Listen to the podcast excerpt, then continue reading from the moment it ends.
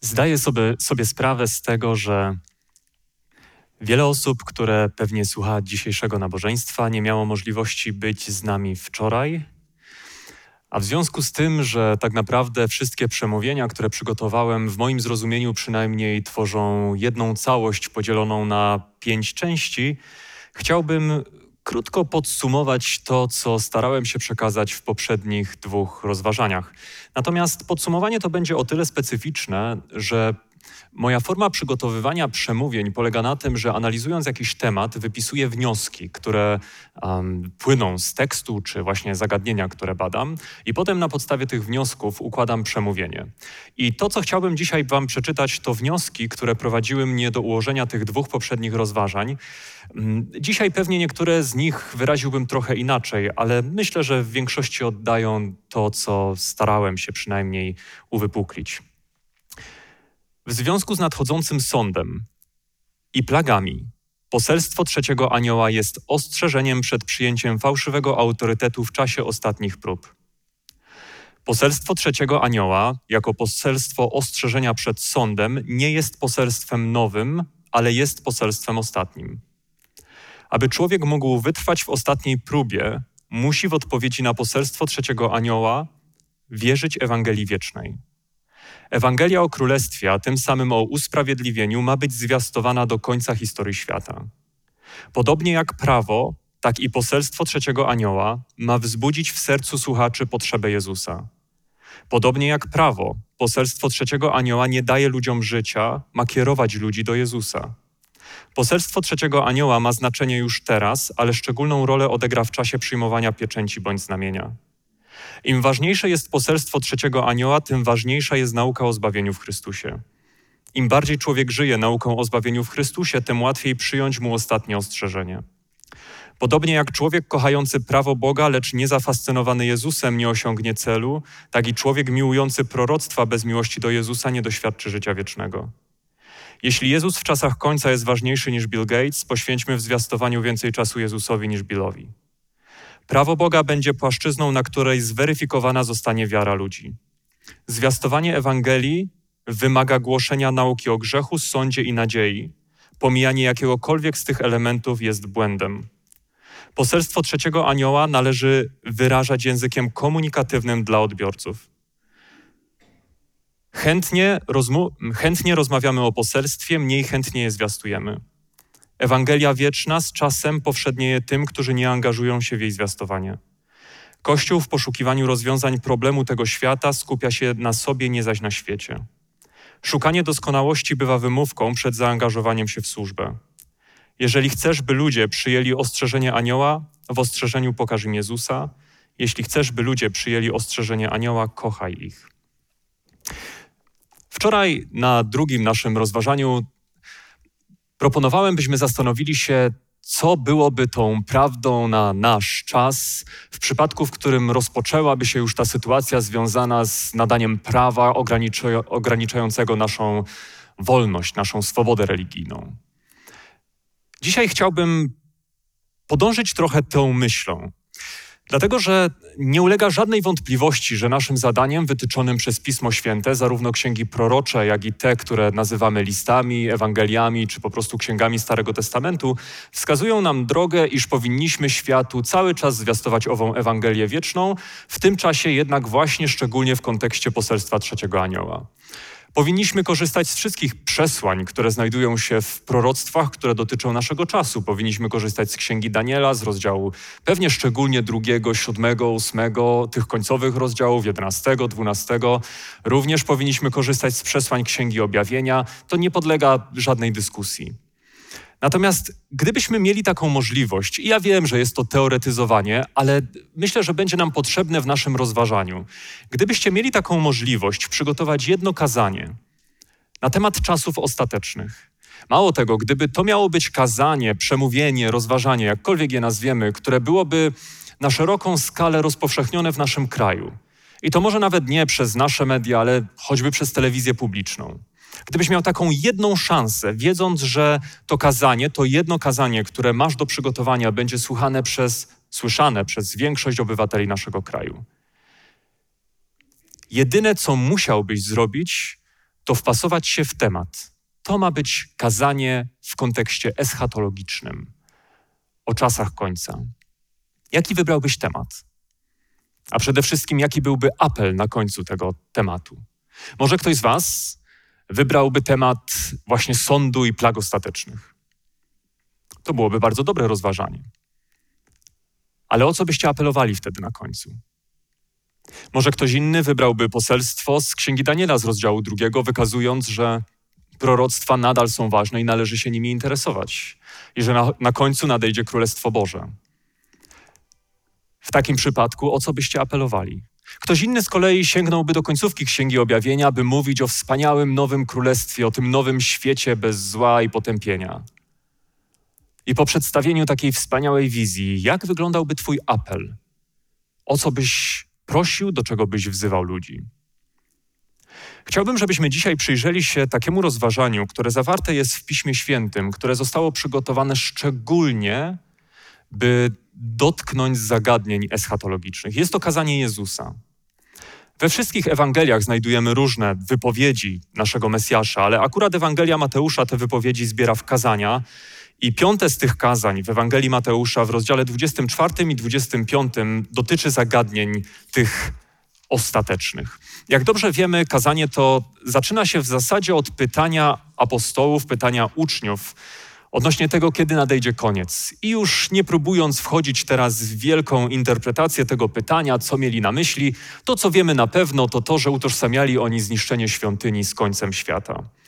I Jezus odpowiadając na ich pytanie, mówi o tym, jakie kolejne wydarzenia będą poprzedzać zniszczenie świątyni i co stanie się przed przyjściem Chrystusa. Ale uczniowie pytają o konkretne znaki, a nawet, nawet nie o znaki, pytają o znak Jaki będzie jeden znak? I rzeczywiście, jeśli chodzi o zburzenie świątyni, Jezus w wersecie 15 mówi: Gdy więc ujrzycie na miejscu świętym ohydę spustoszenia, którą przepowiedział prorok Daniel, kto czyta, niech uważa, wtedy ci, co są w Judei, niech uciekają w góry. Więc Jezus dał uczniom informację, jaki będzie znak poprzedzający zniszczenie świątyni. Gdy Łukasz wyraża tę samą myśl, kierując ją jednak nie do Żydów, którzy mają ten kontekst pism świętych, ale raczej do pogan, nie używa takich słów jak ohyda spustoszenia, mówi po prostu, że gdy ujrzycie Jerozolimę otoczoną przez wojska, wtedy wiedzcie, że to jest ten znak.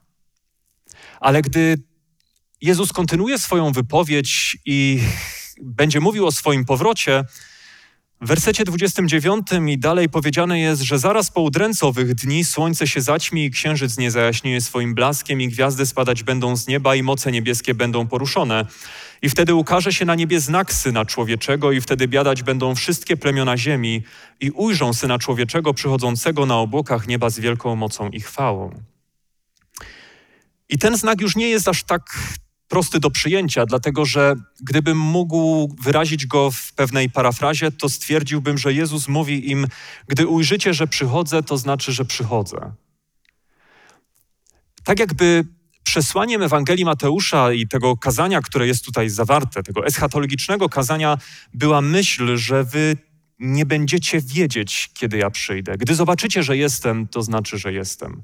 I to byłoby na pewno nie zabawne, ale bardzo ciekawe, że my zazwyczaj studiując kazanie eschatologiczne Jezusa zawarte w Ewangelii Mateusza, szukamy informacji, kiedy Jezus przyjdzie, podczas gdy jego głównym celem mogłoby okazać się pokazanie, że nie będziecie wiedzieć, kiedy przyjdę. Oczywiście ja nie mówię tutaj o tym, że w dalszym ciągu tego przesłania biblijnego, szczególnie w księgach proroczych, nie ma informacji odnośnie rzeczy, których powinniśmy się spodziewać przed jego powrotem, ale w samym tym fragmencie Wydaje się, że Jezus do tego prowadzi swoich uczniów. I zresztą my dobrze wiemy, że dalej w tym samym tekście występuje sprawozdanie o tym, że o tej godzinie i o tym dniu nikt nie wie, tylko Ojciec w niebie. I zauważcie, że bywa tak, ja nie chcę powiedzieć, że tak jest zawsze, ale jednak zdarza się, że gdy studujemy ten fragment, jakikolwiek fragment 24 rozdziału Ewangelii Mateusza, to bywa tak, że na nim poprzestajemy. Ale warto jest pamiętać, że 24 rozdział Ewangelii Mateusza jest tylko połową kazania. Jeśli Jezus przedstawia jakieś kazanie, to byłoby niezręcznie wyjść w połowie. Zresztą wyjście w połowie jakiegokolwiek rozważania, ciągu myślowego jest kłopotliwe, dlatego że po połowie rozważania możemy nie uchwycić tego, co autor chce przekazać. Może być tak, że pierwsza część nam bardziej się podoba, a druga okaże się pokazywać, że autor miał zupełnie co innego na myśli. Może być odwrotnie, z pierwszą się w ogóle nie będziemy zgadzać, a potem okaże się, że tak naprawdę myślimy podobnie. Więc 24 rozdział zostawia nas w takim miejscu, w którym, w którym Jezus pokazuje, jak wyglądał świat przed potopem, pokazuje, że wtedy ludzie też nie wiedzieli, kiedy nastanie potop Żyli tak, jak żyli normalnie, żeniąc się, wychodząc za mąż, siejąc, no, żyjąc normalnie i nie wiedzieli, kiedy skończy się ich historia, kiedy nastanie sąd. Jeszcze na koniec, na sam koniec już mamy historię, przypowieść, podobieństwo o wiernym i niewiernym słudze, w, którym, w której też widzimy, że ów niewierny sługa nie wie, kiedy Pan przyjdzie. Pan wyjechał i nie wiadomo, kiedy wróci. Widzicie, znowu, wszystkie te elementy, nawet na końcu 24 rozdziału, pasują do tej koncepcji, w której Jezus pokazuje, że ja przyjdę, cieszcie się tym, ale wy nie będziecie wiedzieć kiedy. Wy nie będziecie wiedzieć kiedy. Pomimo tego, że dam wam wiele znaków w Księdze Objawienia, pomimo tego, że będziecie mogli pewne rzeczy zinterpretować jako wydarzenia końcowe, to wy nadal nie będziecie wiedzieć kiedy. I warto się zastanowić nad tym, czy zwrot nie będziecie wiedzieć kiedy rzeczywiście o, odnosi się tylko do daty, że nie będziemy znać daty, czy raczej sprowadza się do tego, że po prostu w dniu, w którym Jezus przyjdzie, nas to zaskoczy. Nie mówię, że zaskoczy negatywnie, po prostu zaskoczy, że nie, nie będziemy się spodziewać, że to będzie w tym czasie. I zaczyna się rozdział 25, a wiecie, że pierwotnie w ogóle nie było tego podziału na rozdziały i wersety. Więc po prostu kazanie jest kontynuowane. I pierwsza część to historia o dziesięciu pannach. Historia, która przy całej naszej szerokiej analizie tego przesłania sprowadza się do tego, że panny nie wiedziały, kiedy oblubieniec przyjdzie. I w wyniku tego, że nie wiedziały, jedne były na to przygotowane, a drugie nie. Kolejna przypowieść o talentach, choć często przez nas odnoszona do naszych zdolności, umiejętności i darów, które nam daje Bóg, ona też sprowadza się do tego, że osoby, które są tu przedstawione, ci słudzy, nie wiedzą, kiedy Pan wróci. I w tej niewiedzy nadal są zobowiązani, żeby szafować Jego dobrami. Kazanie eschatologiczne, kazanie o czasach końca musi mieć jednak swój apel, musi mieć jednak swoje zakończenie. Więc gdyby Jezus, a tym samym Bóg Ojciec, bo wiemy, że Jezus nic sam od siebie nie mówi, ale wszystko to, co Ojciec mu każe, to mówi, miał skierować poselstwo o czasach końca do swojego kościoła w kazaniu eschatologicznym, które jest, naj, które jest najczęściej czytane i najłatwiejsze jest do zrozumienia prawdopodobnie w porównaniu z Księgą Objawienia i przesłaniami, które tam są zawarte, jaki apel skierować do ludzi? Jaki apel skierować do Kościoła, jaki apel skierować do wszystkich, którzy będą je przez wszystkie te wieki czytać. Wy wiecie, jaki apel jest skierowany na końcu 25 rozdziału. Ale muszę tutaj poczynić pewną taką um, uczciwą obserwację, że w tym czasie, w którym kierowane są te przesłania, Bóg zdecydowanie wie, że kilkadziesiąt lat później przekaże Kościołowi także Księgę Objawienia. Więc przekaże Kościołowi także wiele konkretnych informacji odnośnie wydarzeń, które nastąpią w przyszłości. Mimo tego, gdy Jezus kieruje to poselstwo, to kazanie, które ma najszersze zasięgi, już mówiąc w taki prosty sposób, w chrześcijaństwie i nie tylko w chrześcijaństwie, ma do ludzi skierowane, ma im skierować pewien apel, pewno, pewne przesłanie, pewne poselstwo. I powiem Wam uczciwie, że prawdopodobnie gdybym ja miał decydować o tym, jaki apel skierować na końcu kazania takiego typowo eschatologicznego do ludzi, to prawdopodobnie apelowałbym o czujność. To nie byłby zły apel. Prawdopodobnie apelowałbym o wytrwanie. To też nie byłoby złe wezwanie. Może apelowałbym o jakieś zaangażowanie, jak najbardziej byłoby to na miejscu. Widzicie, nie chcę powiedzieć, że apel, o którym, który mi przyszedłby do głowy, albo taki, który wam przyszedł do głowy, gdy myśleliście nad tym, o czym mówić, że on byłby zły. Ale Jezus rozumiejąc czas, w którym znajdować się będzie lud w tym końcowym okresie historii i rozumiejąc jego stan, kieruje do niego apel, który jest no, specyficzny. Jest jednak specyficzny. Bo od wersetu 31 są te znane słowa zapisane, w których czytamy, że gdy przyjdzie syn człowieczy, tak, to już jest ten koniec, to ostateczne rozliczenie. Jest to co prawda tylko ilustracja, ale traktujemy ją, jak każdą część Pisma Świętego, niezwykle poważnie. W chwale swojej wszyscy aniołowie z nim, wtedy zasiądzie na tronie swej chwały. I będą zgromadzone przed nim wszystkie narody i odłączy jedne od drugich jak pasterz odłącza owce od kozłów. I ustawi owce po swojej prawicy, a kozły po lewicy. Wtedy powie król tym po swojej prawicy: Pójdźcie, błogosławieni Ojca mego, odziedziczcie królestwo przygotowane dla was od założenia świata. Albowiem młaknąłem, a daliście mi jeść, pragnąłem, daliście mi pić, byłem przychodniem, a przyjęliście mnie, byłem nagi, przyodzialiście mnie, byłem chory, odwiedzaliście mnie, byłem w więzieniu, przychodziliście do mnie. Wtedy odpowiedzą sprawiedliwi. Kto? Sprawiedliwi tymi słowy. Panie, kiedy widzieliśmy Cię łaknącym, a nakarmiliśmy Cię, albo pragnącym, a daliśmy Ci pić? A kiedy widzieliśmy Cię przechodniem i przyjęliśmy Cię, albo nagim i przyodzialiśmy Cię? I kiedy widzieliśmy Cię chorym albo w więzieniu i przychodziliśmy do Ciebie? A król odpowiadając powie im, zaprawdę powiadam wam, cokolwiek uczyniliście jednemu z tych najmniejszych moich braci, mnie uczyniliście. Ciekawy jest ten zwrot, dlatego że historia ta pokazuje nam, że Jezus określa tu ludzi sprawiedliwych. Tych, którzy są sprawiedliwi, którzy stoją po Jego prawej stronie w dniu Jego przyjścia, którzy odziedziczą królestwo. I mówi o czymś, co będzie ich charakteryzować, i ta charakterystyka nie dotyczy w tym przypadku jakichś głębokich zagadnień teologicznych, dotyczy tego, że ci ludzie mieli sprawiedliwość, która objawiała się w tym, że byli gotowi pomóc ludziom w potrzebie. Nic skomplikowanego, nic trudnego, nic niezwykłego. Tak przynajmniej by się wydawało. Natomiast dalej czytamy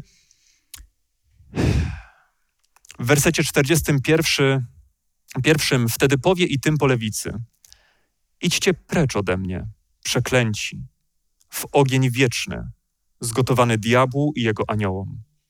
Albowiem łaknąłem, da, nie daliście mi jeść. Pragnąłem, nie daliście mi pić. Byłem przychodniem, nie przyjęliście mnie, nagim, a nie przyodzialiście mnie, chorym i w więzieniu i nie odwiedziliście mnie. Wtedy i oni mu odpowiedzą, mówiąc: Panie, kiedy widzieliśmy cię łaknącym, albo pragnącym, albo przychodniem, albo nagim, albo chorym, albo w więzieniu i nie usłyszeliśmy ci? Wtedy im odpowie tymi słowy: Zaprawdę powiadam wam, czegokolwiek nie uczyniliście jednemu z tych najmniejszych, i mnie nie uczyniliście. I odejdą ci w kaźń wieczną, sprawiedliwi zaś do życia wiecznego. Czy możliwym jest, że Bóg, rozumiejąc ten okres, ten czas ostateczny, te kryzysy, które wtedy, które wtedy będą miały miejsce, to przesłanie Kościoła, które ma być przekazane światu, to nakierowanie na zwiastowanie poselstwa trzeciego anioła. Czy możliwym jest, że on dlatego kieruje do nas wezwanie tego typu, bardzo proste, a jednak bardzo precyzyjne, abyśmy mogli uświadomić sobie, że on wie, iż to, czego nam będzie brakować przy całych wielkich teologicznych rozważaniach, przy analizach wszystkich proroctw, przy darze prorokowania, który objawi się w czasie końca, że po prostu nie będziemy, nie będzie nam łatwo wyrażać tych podstawowych cech charakteryzujących ludzi, którzy kochają innych.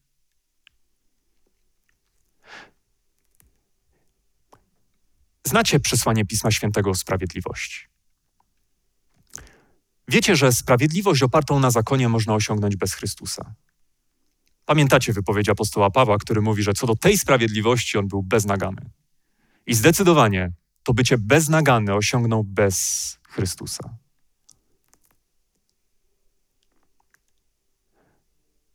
Natomiast osiągnięcie sprawiedliwości, która jest czynna w miłości, której skutkiem oczywiście jest też zachowywanie prawa, jest czymś zupełnie innym, czymś, czego nie da się osiągnąć tak o.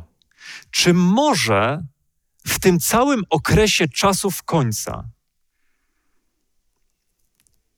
Jezus wie, że jego kościół, pochłonięty różnymi ważnymi sprawami, nie będzie miał czasu, siły, okazji, o, może nie okazji, by czynić to, co jest najprostsze. Czy brakuje nam. Hmm, czy, czy moglibyśmy stwierdzić, że brakuje nam miłości? To, to jest bardzo trudne pytanie i trudno jest na nie odpowiedzieć, bo każdy z nas jest inny i wszelkiego rodzaju uogólnienia one zawsze są krzywdzące. My różnimy się od siebie tak bardzo, że, że tak jak mówię, uogólnienia nie pasują do wszystkich.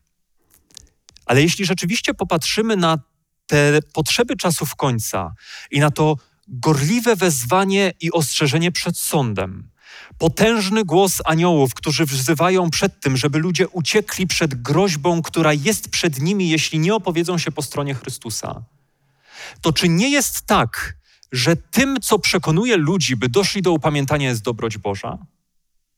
Czy nie jest tak, że słowa apostoła Pawła z listu do Rzymian z rozdziału drugiego w wersecie czwartym nie mówią, że to właśnie dobroć Boża do upamiętania nas prowadzi? Czy nie jest tak, że napominanie ma sens tylko wtedy, gdy ludzie napominani wiedzą, że napomina ich ktoś, kto ich kocha? Czy nie jest tak, że wzywanie tego, tego świata do decyzji, odrzucenia tego wszystkiego, na czym, na czym zbudowali swój światopogląd, wymaga tego, żeby chociaż ufali tym, którzy do tej decyzji wzywają? A może jest tak, że tam, gdzie księgi prorocze wzywają nas do gorliwego wołania do ludzi, przedstawiania im poselstwa ostrzeżenia, w tym samym czasie Ewangelia krzyczy i upomina, napomina, abyśmy w tym samym poselstwie nie zapomnieli, co jest naszym prostym i podstawowym zadaniem. Chciało mi się pić, a wy mi nie daliście wody. Albo odwrotnie. Nie miałem co na siebie włożyć, a wydaliście mi odzienie.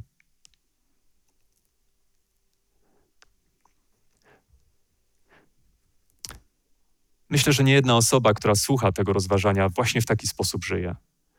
Właśnie stara się, gdy tylko widzi jakieś potrzeby, na nie odpowiadać. I to jest chwalebne i cudowne.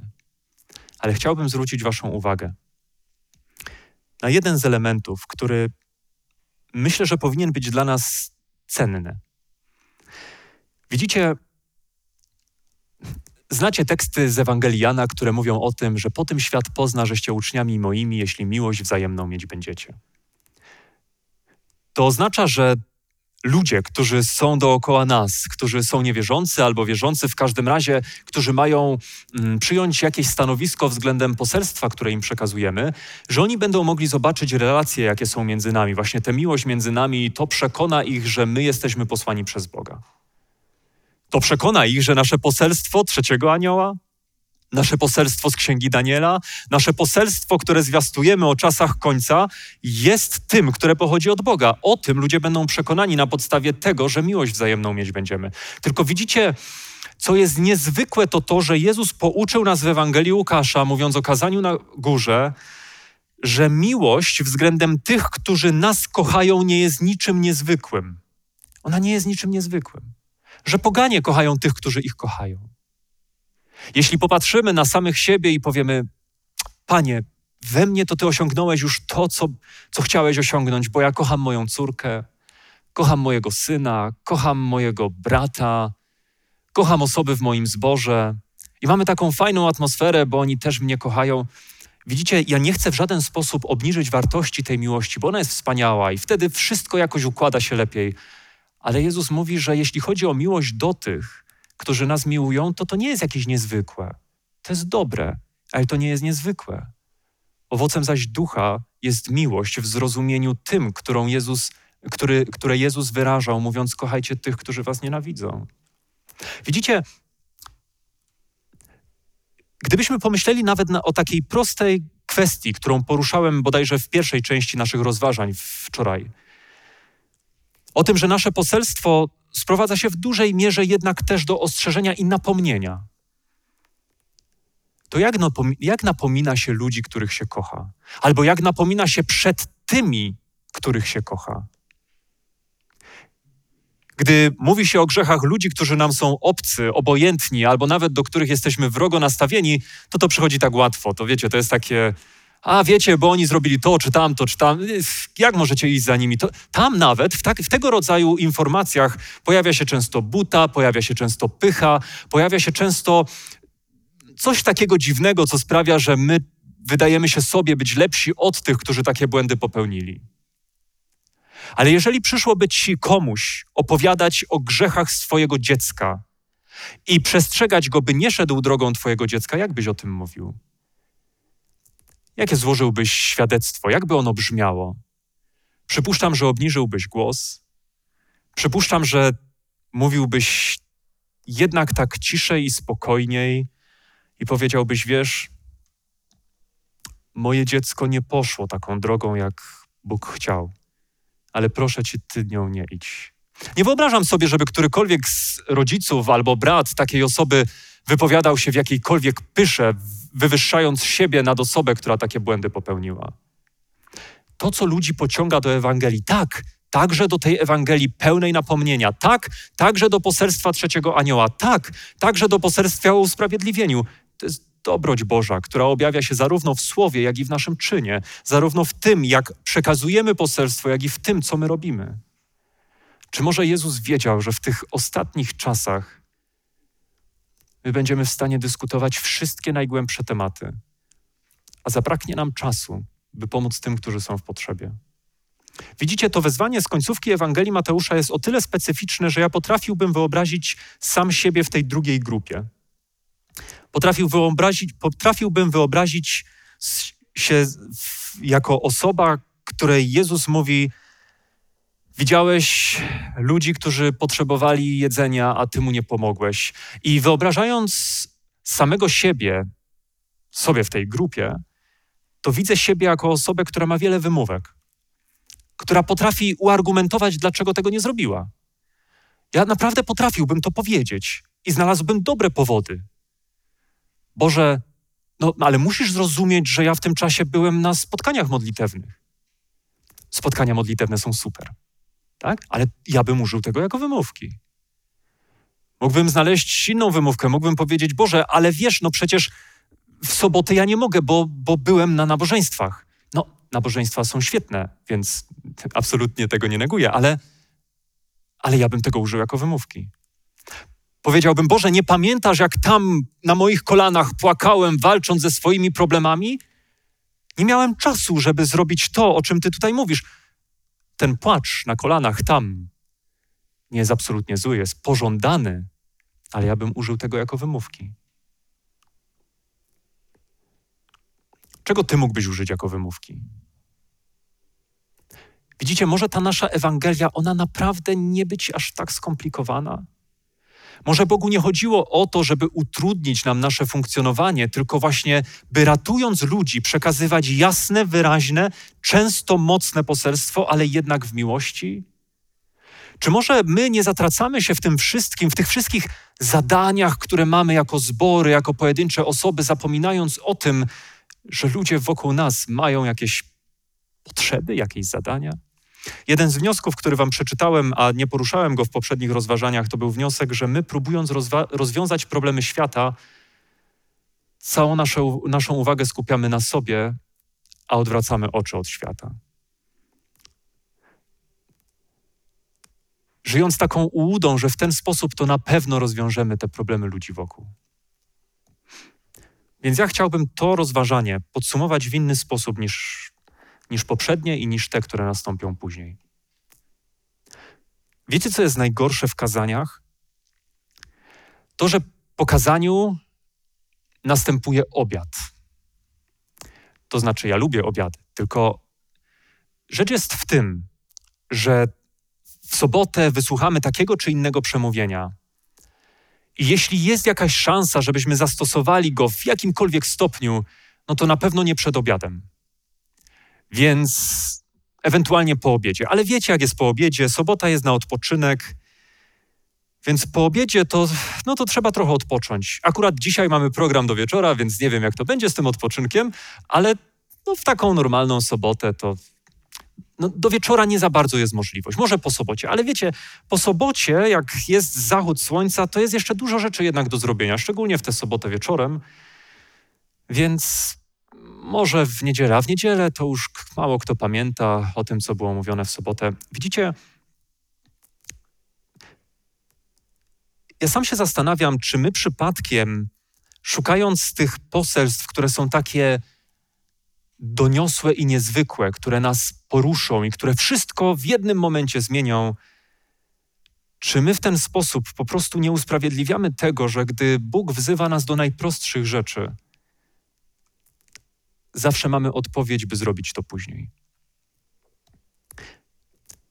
Więc jeśli poselstwo Ewangelii Wiecznej, głoszone w kontekście słów trzeciego anioła, ma mieć jakieś znaczenie i ma realnie sprowadzać się do tego, że w nim będą ludzie, cały świat widzieć naszą miłość i dobroć do nich, którą będziemy objawiać nie tylko w słowie, ale też w tym, jak żyjemy względem potrzebujących, tych, którzy są gdzieś tam rzeczywiście w szpitalu i są tam samotni, tych, którzy są w domu opieki, domu dziecka, tych, którzy są gdzieś tam, daleko od nas. To wymaga od nas pewnego wysiłku, pewnej, pewnej pracy, która nie jest przyjemna, tak jak mówiłem wczoraj, my możemy oczekiwać całe życie na to, że Duch Boży zostanie na nas wylany i wtedy głoszenie Ewangelii przyjdzie nam z łatwością, aczkolwiek możemy się rozczarować, dlatego że nikt nigdy nie mówił, że to, co jest naszym posłannictwem, będzie dla nas łatwe. To zawsze było sprzeczne z naszą naturą, to zawsze było sprzeczne z tym, kim jesteśmy jako ludzie. Więc trudno oczekiwać tego, że w pewnym momencie nasze posłanie, przesłanie, przekazywanie go innym stanie się takie, wiecie, proste, stanie się tym, co zawsze będziemy z radością wykonywać. Ja nie wiem, nie wiem, jak do tego podejdziemy, ale Jezus tutaj nie mówił o tym, czy tym ludziom, którzy dali wodę, dali chleb, dali odzienie, było łatwo. Jezus tutaj nie odnosi się do tego, jakie problemy z tym przeżywali, jak wyrzekli się siebie. On o tym nie mówi. On daje proste sprawozdanie, że wy to zrobiliście. Ja bym chciał, żebyśmy w tym momencie, przez moment nad tym się zastanowili, bo może w tym całym szalonym świecie, w którym teraz się znajdujemy, może moglibyśmy nie czekać na jutro? Może rzeczywiście moglibyśmy spróbować coś zmienić teraz, bo naprawdę nie ma sensu czekać na lepszy czas. Nie ma lepszego czasu. Nie ma lepszego czasu. To jest ten lepszy czas. Może moglibyśmy nie czekać na to, co będzie po zakończeniu soboty? Może moglibyśmy nie czekać na to, co będzie po obiedzie? A może moglibyśmy już teraz? I ja mówię literalnie, w tym momencie pomyśleć chociaż o jednej osobie, której moglibyśmy przekazać coś z tej Ewangelii Wiecznej, do której moglibyśmy napisać wiadomość, bo nigdy w życiu nie powiedzieliśmy jej o tym, że wierzymy w Jezusa i mamy nadzieję, że ta osoba też będzie z nami w Królestwie Bożym. Może moglibyśmy rzeczywiście w tym momencie pomyśleć o kimś, kto jest koło nas całe życie i nawet nie wie, że jesteśmy ludźmi wierzącymi. Może moglibyśmy przekazać mu jakąś informację o tym nadchodzącym Bożym Królestwie, jak jest cudowne? Może ktoś koło Was potrzebuje napomnienia albo zachęty. Może moglibyście teraz, korzystając z internetu, otworzyć jakikolwiek portal społecznościowy, którego używacie i, i zrobić coś, nie czekając na jutro, nie czekając na ten czas po obiedzie ale to się dopiero wtedy staje trudne, nie? Bo to sprowadza się do tego, że my w tym momencie musielibyśmy zrobić jakiś krok, musielibyśmy coś uczynić. A ta taka delikatna sugestia, która mówi zróbmy to później, ona jest o tyle przyjemna, że utrzymuje nas w takim miłym położeniu, że my to na pewno zrobimy, ale samą decyzję odkłada na późniejszy czas, która często w ogóle nie nadchodzi. Może moglibyśmy rzeczywiście teraz wyjść z domu i pojechać do osoby, o której wiemy, że potrzebuje naszej pomocy i jej pomoc. I naprawdę nie czekać na później. Bo w czym my pokładamy nadzieję? W uczuciach, które się zmienią w wyniku jakiegoś przemówienia? Słuchajcie, jak działają przemówienia? No macie tyle lat doświadczenia. Przemówienia działają tak, że czujecie się zainspirowani i ta inspiracja trwa chwilę. Jak nie zdążysz zrobić czegoś w tę chwilę, to prawdopodobnie będzie ci ciężko zrobić to kiedykolwiek.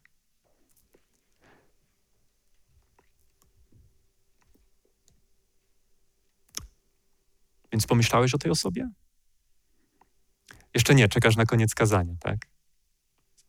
Widzicie, nasza natura do tego się sprowadza, że my nie przywykliśmy do służby.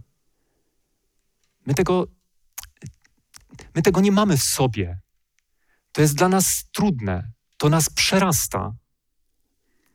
I ciągle snujemy takie marzenia o tym, jak będziemy zwiastować Ewangelię całemu światu w mocy poselstwa czwartego anioła, ale to ciągle są jakieś takie w wielu przypadkach, bo oczywiście rozumiem, że mnóstwo osób angażuje się w to dzieło już teraz, więc nie czujcie się obciążeni tym, co mówię. Ale snujemy takie marzenia, jak to będzie wspaniale, jak będziemy stać na samochodach i zwiastować słowo, kiedy tysiące ludzi będzie przychodzić i słuchać. Ale czy my naprawdę będziemy gotowi zrobić to w czasie prześladowań, jeśli teraz, w czasie, w którym nie dzieje się nic złego, brakuje nam odwagi, żeby komuś powiedzieć, o Słowie Bożym? Czy naprawdę fakt, że brakuje nam odwagi, żeby nawet publicznie przyznać się do swojej wiary przed wszystkimi ludźmi, którzy są w gronie jakichś naszych znajomych, czy to nie uderza Was? Czy to nie porusza Waszym sercem, że, że, powin, że mamy coś do przełamania? ja wiem, tutaj moglibyśmy teraz mówić o inspiracji w Chrystusie i to ma swoje miejsce, ale pozwólcie, odłożymy to dzisiaj na bok. Natomiast Wezwanie Jezusa na końcu Ewangelii Mateusza jest proste. Jezus po prostu mówi, wasza sprawiedliwość, tak? Bo wiecie, o czym jest to kazanie z mojej perspektywy? Wy możecie to ocenić inaczej. Ono jest o sprawiedliwości. Bo Jezus mówi o ludziach sprawiedliwych w czasie końca. Wy, którzy stoicie po prawej stronie, wy, którzy jesteście sprawiedliwi, wy osiąg osiągnęliście, nie, nie, to nie jest dobre słowo osiągnęliście, ale wydaliście wyraz najwyższemu stopniu sprawiedliwości. Wy usłużyliście tym, którzy tego potrzebowali. Świetnie jest słuchać o wszystkich projektach, które mogliśmy oglądać, tych raportów, sprawozdań. To jest rewelacja. I świetnie byłoby, gdyby każdy z nas mógł mieć nie gdzieś tam w ciągu tygodnia, ale już dzisiaj jakieś doświadczenie. Bo już dzisiaj komuś powiedział, już dzisiaj do kogoś się odezwał, Pamiętam taką wypowiedź z książki Droga do Chrystusa, która swoją drogą jest świetną książką, że naszą modlitwą, jednym z elementów naszej codziennej modlitwy powinno być: Panie, daj mi dzisiaj komuś powiedzieć o Twoim słowie. Daj mi dzisiaj komuś powiedzieć o Twoim słowie. Jaka to jest piękna modlitwa. Każdego dnia. Może wtedy zabralibyśmy pastorom apele ewangelizacyjne. Może wtedy powiedzielibyśmy: Nie, nie, pastorze, ty tego nie będziesz mówił, bo my mamy za dużo doświadczeń. Ale może wtedy przede wszystkim ci ludzie, którzy zobaczyliby nas jako tych, którzy realnie są zaangażowani w odpowiadanie na ich potrzeby, może byliby z nami i mogliby powiedzieć: Wiecie, a ja w zeszłym tygodniu spotkałem adwentystę, który zrobił coś dla mnie, na co nikt się wcześniej nie mógł odważyć. Więc Jezus, mówiąc kazanie eschatologiczne, kazanie na czas końca, kazanie otoczone poselstwem o sądzie, kazanie otoczone poselstwem o zakończeniu historii świata, kazanie otoczone poselstwem o pieczęci i znamieniu, kazanie otoczone poselstwem o bestii z ziemi i bestii z morza, pokazuje, że to, co jest najbardziej pożądane w czasie końca, to jest to, by ludzie umieli prawdziwie służyć i kochać tych, do których służbę wykonują. Więc choćbyśmy mieli masę proroków na podstawie proroctwa Księgi Joela, a miłości byśmy nie mieli, okażemy się nieskuteczni w tej służbie. Choćbyśmy znali wszystkie tajemnice proroctw, a nie mieli tej miłości, okażemy się nieskuteczni w służbie. Choćbyśmy mieli taką wiarę, że góry byśmy przenosili, to w kontekście zwiastowania tego poselstwa nic nie osiągniemy tak długo, jak długo ludzie w naszym przesłaniu nie będą mogli dostrzec miłości. My ciągle rozłamujemy się na tę stronę, która będzie mówić tylko o miłości, i na tę stronę, która będzie mówić tylko o poselstwie czasów końca. A gdybyśmy to połączyli, gdybyśmy realnie w miłości mogli wzywać do przyjęcia Ewangelii, do napomnienia, do pokuty, i gdybyśmy zrobili to nie po obiedzie, ale teraz, to może i moje, i wasze życie mogłoby się przemienić. Amen. Poczekajcie, ja się... Pozwólcie, że zakończę to rozważanie modlitwą. Nasz drogi Boże, bardzo dziękujemy Ci, że Twoje słowo, ono jest nieomylne. Ludzie się mylą, my się mylimy, ale w nim zawarta jest prawda. Boże, my nie chcemy uciekać od zlecenia, które nam dałeś. Wierząc w to, że Ty nas uratowałeś, że nic nie stoi na przeszkodzie między Tobą a nami, że wszystkie Twoje obietnice spełniają się w wyniku naszej wiary. Wierzymy, że dałeś nam zadanie do wykonania, na, z którym nie chcemy czekać. Żyjemy w takim świecie, w którym stworzyliśmy różne koncepcje, koncepcje liczenia na to, że później będzie łatwiej. Ale Ojcze, my chcielibyśmy, żebyś przez swojego Ducha Świętego dał nam taką miłość, która pokazana jest jako właśnie Jego owoc. Byś dał nam tyle samowyrzeczenia, byśmy nie czekali na jutro, byśmy nie szukali wymówek, ale byśmy szukali okoliczności i możliwości. Ojcze drogi, tak bardzo proszę, żebyś dał nam tej siły, żebyśmy w poselstwie czasów końca, które jest tak potrzebne temu światu, objawiali siebie i w słowach i czynach, jako ludzi pełnych troski i właśnie miłości. Ojcze, naucz nas wzywać ludzi do tego, by słuchali Twojego słowa i odrzucali fałszywe autorytety, ale mówiąc o nich z miłością i do nich z miłością. Daj, żebyśmy razem, jako osoby współwierzące, potrafili traktować się właśnie w taki sposób, jak Jezus tego chciał, aby wszyscy mogli poznać, że Ty nas posłałeś. Boże, jeśli to jest poselstwo, które Twój Syn kierował do nas właśnie w czasie ostatecznym, w kazaniu eschatologicznym, to daj, żeby nikt go nie zlekceważył i żeby nikt nie czekał na później, ale może jeszcze teraz, może w tym momencie, aby zrobił coś dobrego dla ludzi, którzy są wokół i nas potrzebują. Ja, Boże, nie chcę znaleźć się w tej grupie, która, jak powiedziałeś, pójdzie w kaźń wieczną. I wierzę, że dzięki Twojej Ewangelii i obietnicy, której, którą dałeś, tak się nie stanie. Dlatego proszę, żebym mógł, będąc tutaj i żyjąc na tej ziemi jeszcze, reprezentować Cię godnie, służąc tym, którzy najbardziej Cię potrzebują i jeszcze Cię nie znają. Amen.